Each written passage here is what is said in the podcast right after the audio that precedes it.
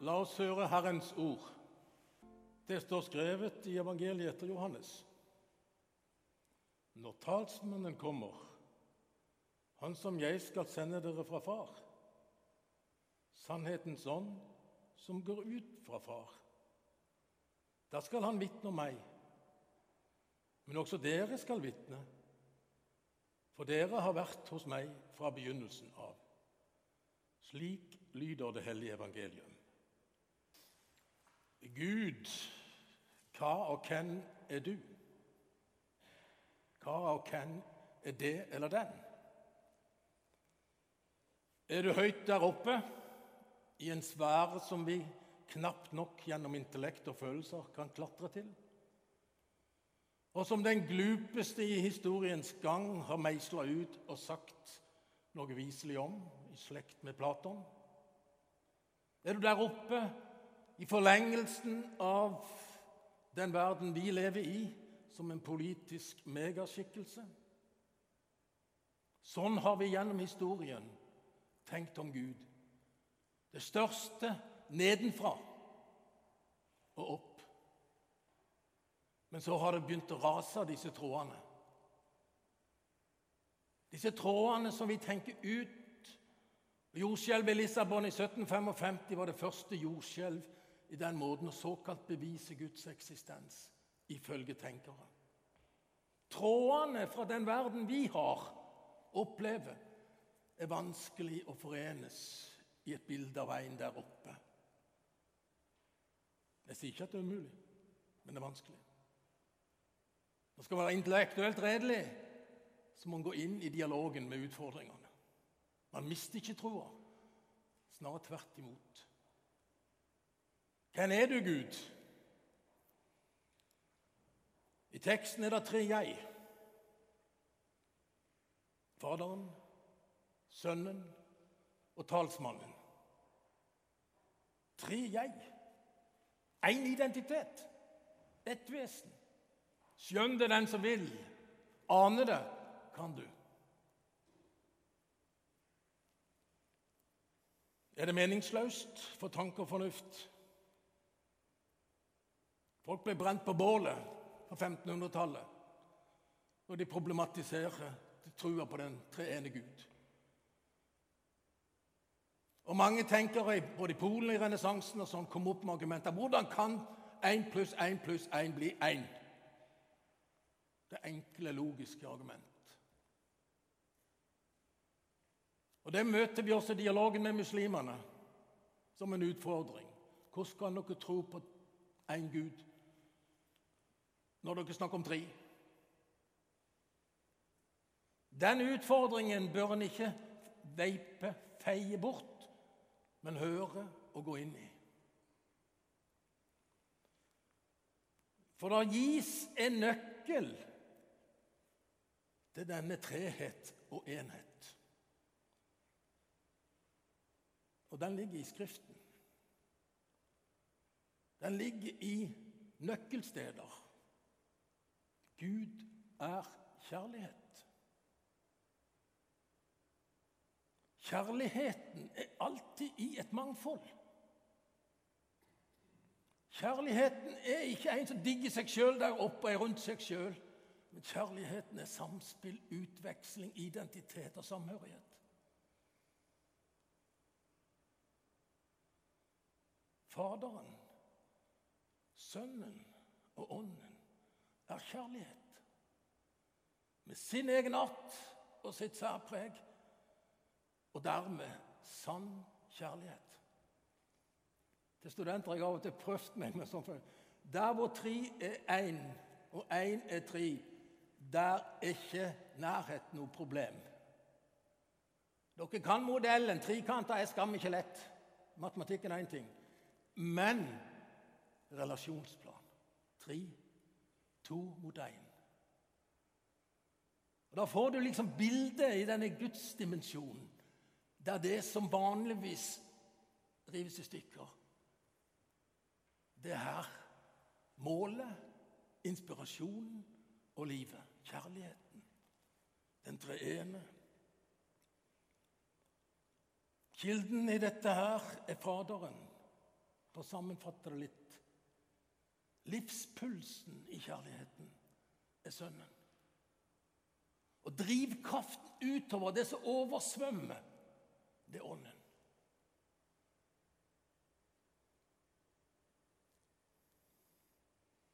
Vi skimter noe av dette da Jesus er, taler og handler.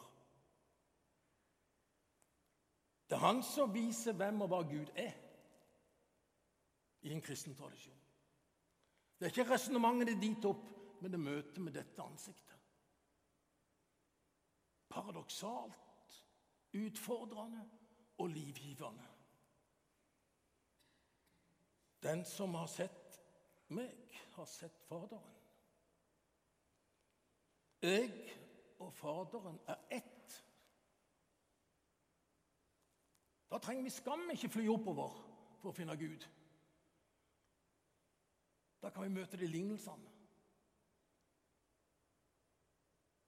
Om den barmhjertige samaritan. Om det som forsvant og som ble leita opp. Da er du inne og aner noe av den uutgrunnelige kjærlighets egenart og preg. Jesus viser Gud er et jeg som bryr seg, også der det er mørkt. Gud er et vi som deler og gir liv, også der det er ødeleggelse.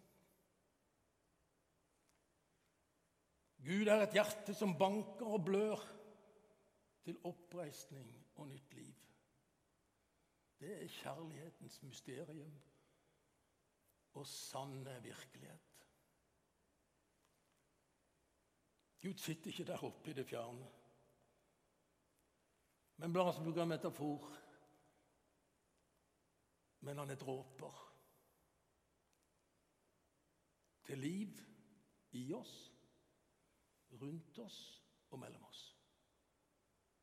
Livsdråper, blodstråper, næringsstråper, håpstråper. Ja, nå har vi snakka litt om Gud. Så må vi også snakke om Den hellige ånd. Det var jo teksten midt i sentrum av teksten. Og da er det jo sånn En ting er Gud, det kan vi diskutere så fillende fyker. Men når det snakker om Den hellige ånd, da blir det litt rart. Da er det liksom at pinsevennene har passet på dette her, og de karismatiske har liksom taket på han. Mens vi andre lurer på ja, er vi skikkelig kristne vi da, når ikke vi har en del av de såkalte kjennetegn. I alle fall er det noe som jeg som ungdom og jeg meldte meg inn i kirka så å si aktivt, ble stilt overfor. Og Da må en bare si at her er det mange måter å snakke om ånden på. På hebraisk er ånden roar. Bevegelse. Vind. Og I Gamle Testamentet så er det vinden som så å si gir liv i naturen, bærer det. Tar du vekk Gud din ånd, roar, til Adonai. Tar du vekk den, så raser det sammen.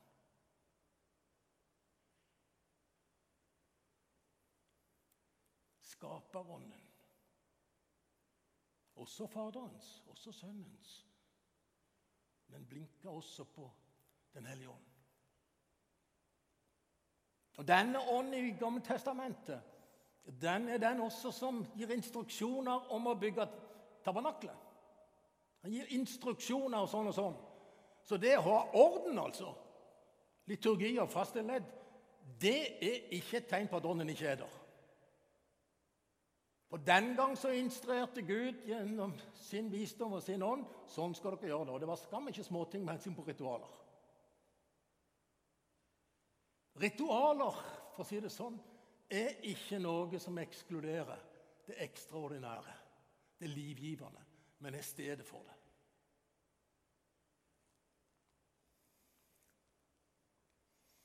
I Gamle Nytestamentet er det ikke så mye som står om Ånden i de fram til apostelgjerningene. Men det er når Jesus er unnfangelsen, ute i ørkenen, frista, og så forsvinner han. Da er Jesus på banen. Og Så kommer han igjen under pinsen. Og da er han den som bygger, fører sammen. Og skaper kirka og liv i kirka. Ved Ånden, gjennom Ånden, i Ånden. For her står det jo at han skal ta av det Jesus har. Jeg snakker om Gud. Du må se til Jesus i den kristne tradisjon. Den hellige ånd. Du må se til Jesus. Han skal ta av hans og vitne om det, og vi skal være det videre. Ergo er det et sentrum mellom Fader, Sønn og Ånd, der Kristus et slags utøvende midtpunkt.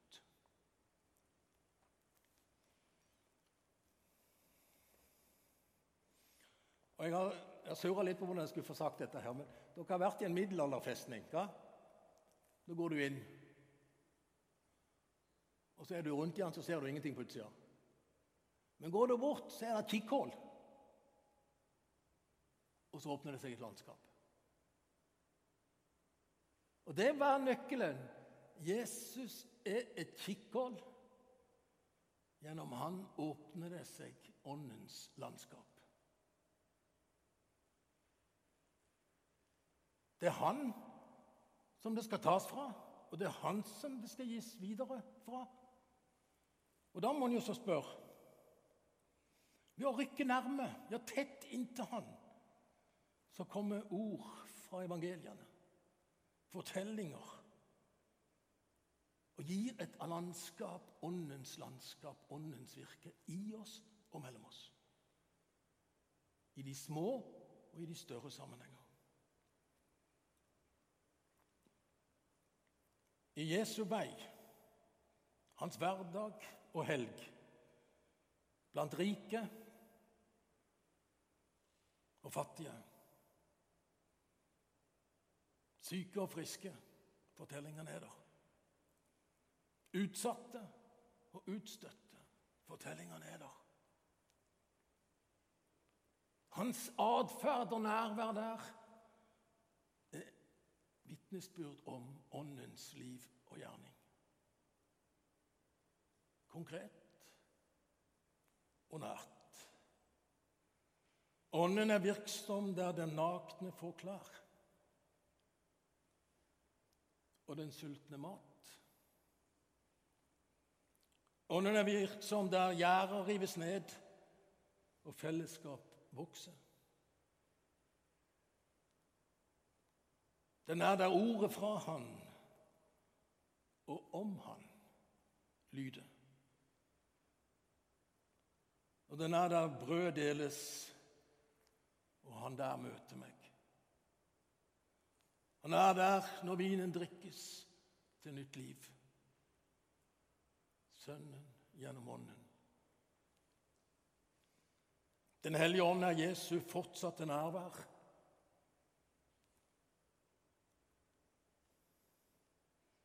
Og Da er vi over i det siste punktet jeg skal kort si noe om. Vi er forplikta til å dele. Til å fortelle.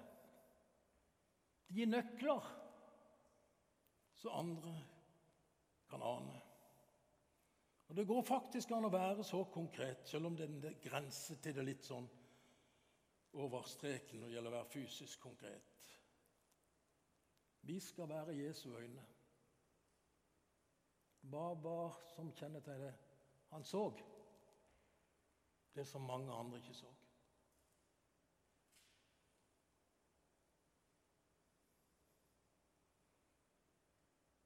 Vi skal være Jesu føtter. Gå bort til.